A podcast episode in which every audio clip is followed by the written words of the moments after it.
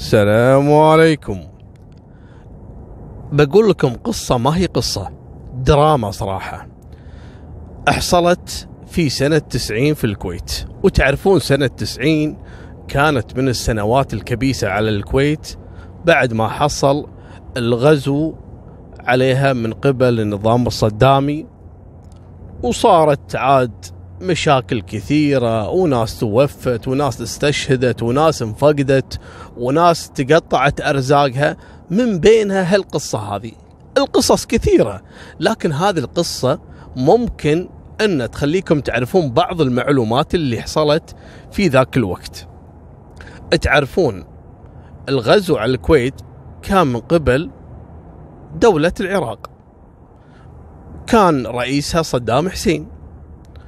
وبعد ما حصل التحرير الكويت خلاص أي واحد يكون موظف عندها في الدولة أو عايش في الكويت يكون مثلا يعني عراقي أو مشتبه فيه إنه تعاون مع الجيش العراقي اللي دخل الكويت شيء طبيعي إنه يرحلون عن البلد.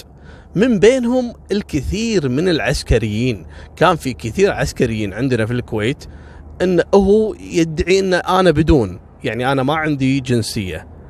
آه لكن كان في إثباتات تدل على انه هو فعلا كان آه يحمل الجنسية العراقية أو تعاون مع الجيش العراقي. هذول الاشخاص اللي تم ترحيلهم. لكن في منهم كثير. لا بقوا بالكويت وهذول يعتبرون أبناء الكويت. وبالعكس يعني دافعوا عن الكويت والتحقوا أيام الغزو. لما طلعوا برا الكويت تحقوا في الجيش الكويتي اللي كان في المملكة العربية السعودية وتحرير الكويت وهذا لا شك فيه. لكن الفئة اللي تم ترحيلها واللي اشتبه فيهم إنهم يا متعاونين أو إنه يحمل الجنسية العراقية هذا يعني أفصلوه من عمله. كان من بينهم واحد ينقال له مرشد. مرشد هذا قبل الغزو قبل سنة 90 قاعد في الكويت. وشغال أموره طيبة وراتبة ممتاز وعلى فكرة الفئة هذه يعني مثل فئة البدون أو اللي كانوا يشتغلون قبل الغزو يعني راتبة مثل راتب الكويت ومستحقاته ياخذها بالكامل حاله حال أي واحد كويتي فعلا. المهم بعد ما تم فصل المجموعة هذه اطلعت لهم مستحقاتهم. في ناس على فكرة سلموا مستحقاته اللي خذ ستين ألف اللي خذ ثمانين ألف دينار اللي خذ أمية ألف دينار وتوكل على الله راح ديرته من بينهم مرشد. مرشد خذاله تقريب الأمية ألف دينار كويتي. وتوكل على الله راح ديرته وين؟ العراق في كربلاء القصة يرويها لي شخص له علاقة فيها العائلة. قال لي مرشد يا أبو طلال لما راح في سنة 91 في العراق وكان الوضع الاقتصادي تعبان جدا. وتعرف لما تصرف أمية ألف دينار كويتي تحولهم عراقي طبعا ما حولهم دايركت عراقي لا حولهم على الأردن. من الأردن حولهم عراقي يعني صار يملك فلوس مال هوالي في ذاك الوقت أقصد. اشترى فيها بيوت اشترى فيها مزارع اشترى فيها محلات يعني يعني مثل السوبر ماركت وكذا. واغتنى الرجال. والكثير اللي كان يعرف مرشد أيام ما كان في الكويت أول ما جاء على كربلاء صاروا الناس كلهم يسولفون عنه. شرى له نفس القصر قالوا هذا قصر مرشد البدون. البدون والبدون. يعني انه صار مثل ما نقول غني من أغنياء المنطقة اللي هو فيها. فالكل يسميه بيت البدون أو بيت مرشد الغني. اللي محتاج فلوس يروح حق مرشد. اللي يبي يروح الديوانية يتعشى عند مرشد. مرشد ذبايح وصلخ وحط وشيل.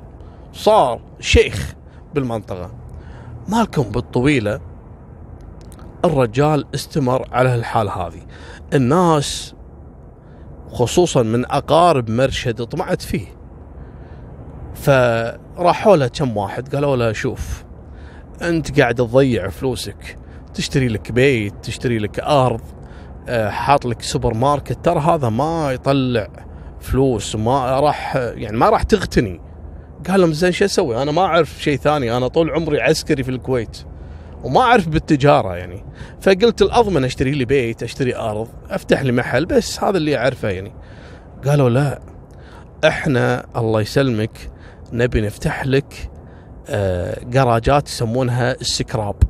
يعني نشتري سيارات من برا قطع غيار يعني ناخذها مقصوصة. تعرفون هذا النظام السكراب اللي يبيعون قطع غيار مستعملة؟ ونحط لنا السكراب هذا ونبيع على العراق كله.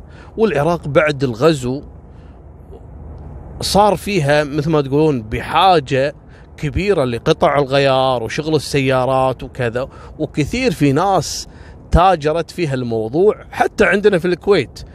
أول خمس سنوات بعد التحرير اللي كان يشتغل في السيارات اغتنى صراحة اللي يودون حق العراق.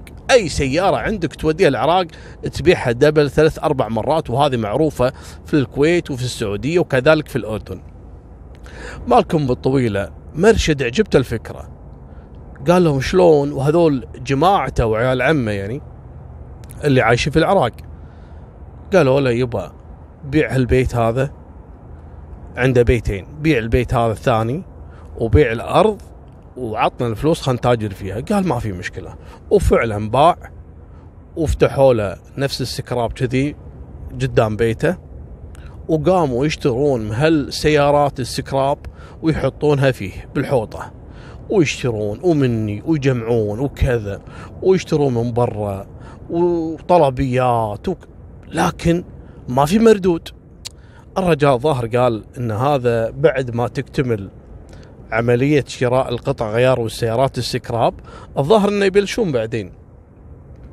المهم لما جمعوا له بهالحوطة وهو ما يعرف وين الله قاطه. مو فاهم شو السالفة. قال أنا أنتظر وهذول أثق فيهم من جماعتي يعني ما راح يخونون فيني. المهم بعد شهر شهرين ويترسوا له الحوطة كلها سيارات سكراب ويقولوا له السلام عليكم.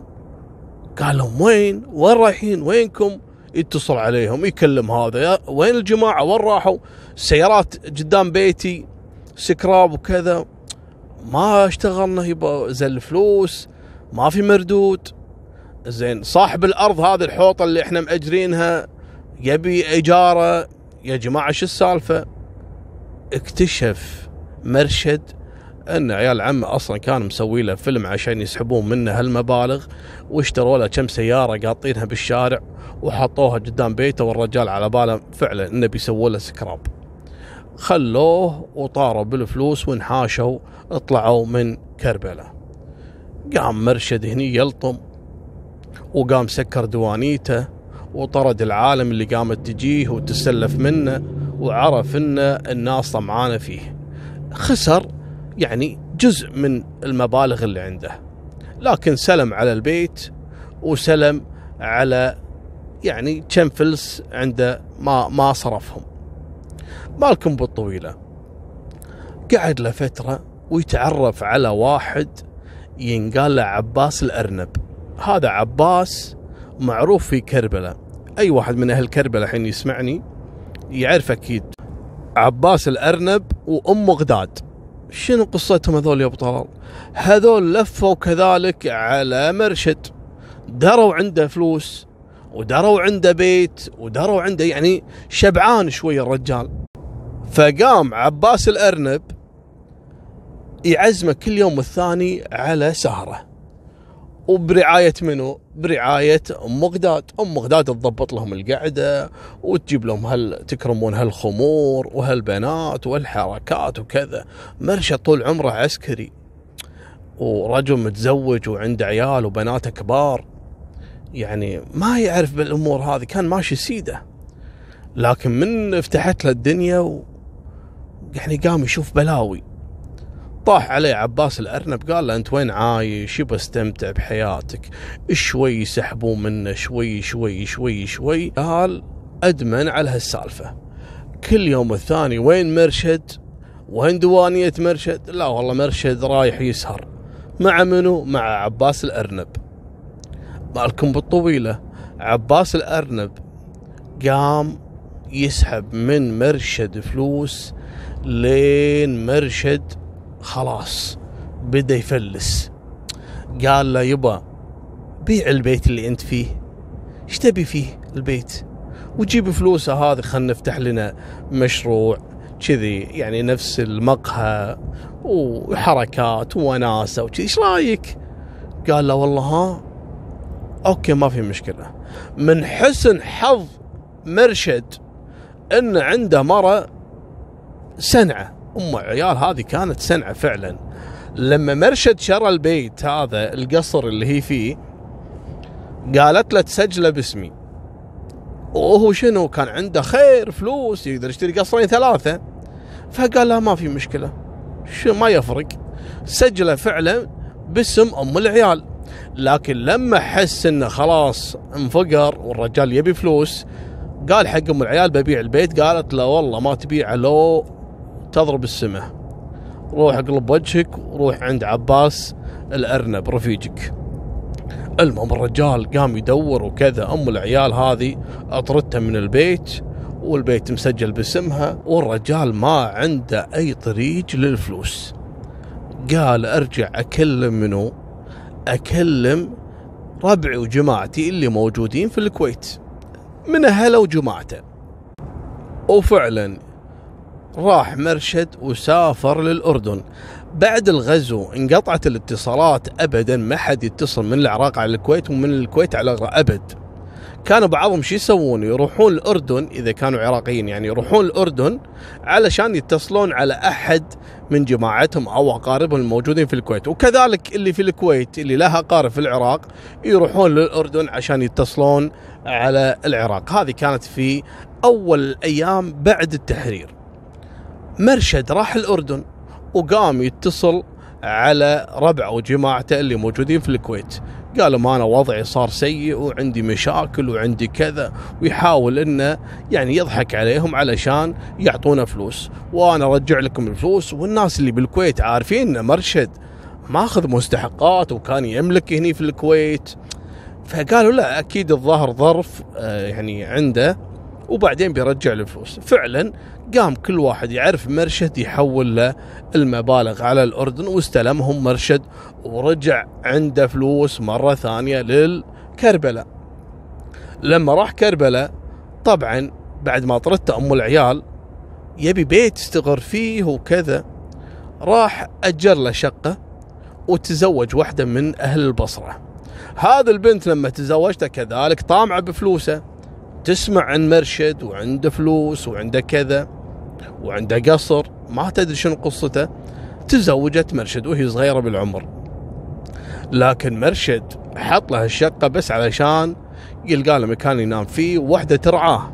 لكن استمر كذلك مع عباس الأرنب وأم غداد قاموا سحبوا منه كل اللي عنده لين قعد مرشد فعلا على الحديدة. لدرجة أن مرشد ما قدر حتى يدفع إيجار شقته اللي كان ساكن فيها مع زوجته الجديدة. والمصيبة شنو؟ أن جوله عيال من الجديدة.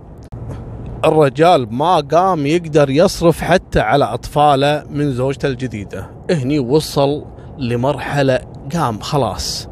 قال لازم أرجع مرة ثانية للأردن وأطلب من أهلي وجماعتي اللي موجودين في الكويت. وفعلا تسلف من الجيران ومن الناس عشان بس يوصل للأردن. ولما وصل قام يتصل على الناس اللي في الكويت.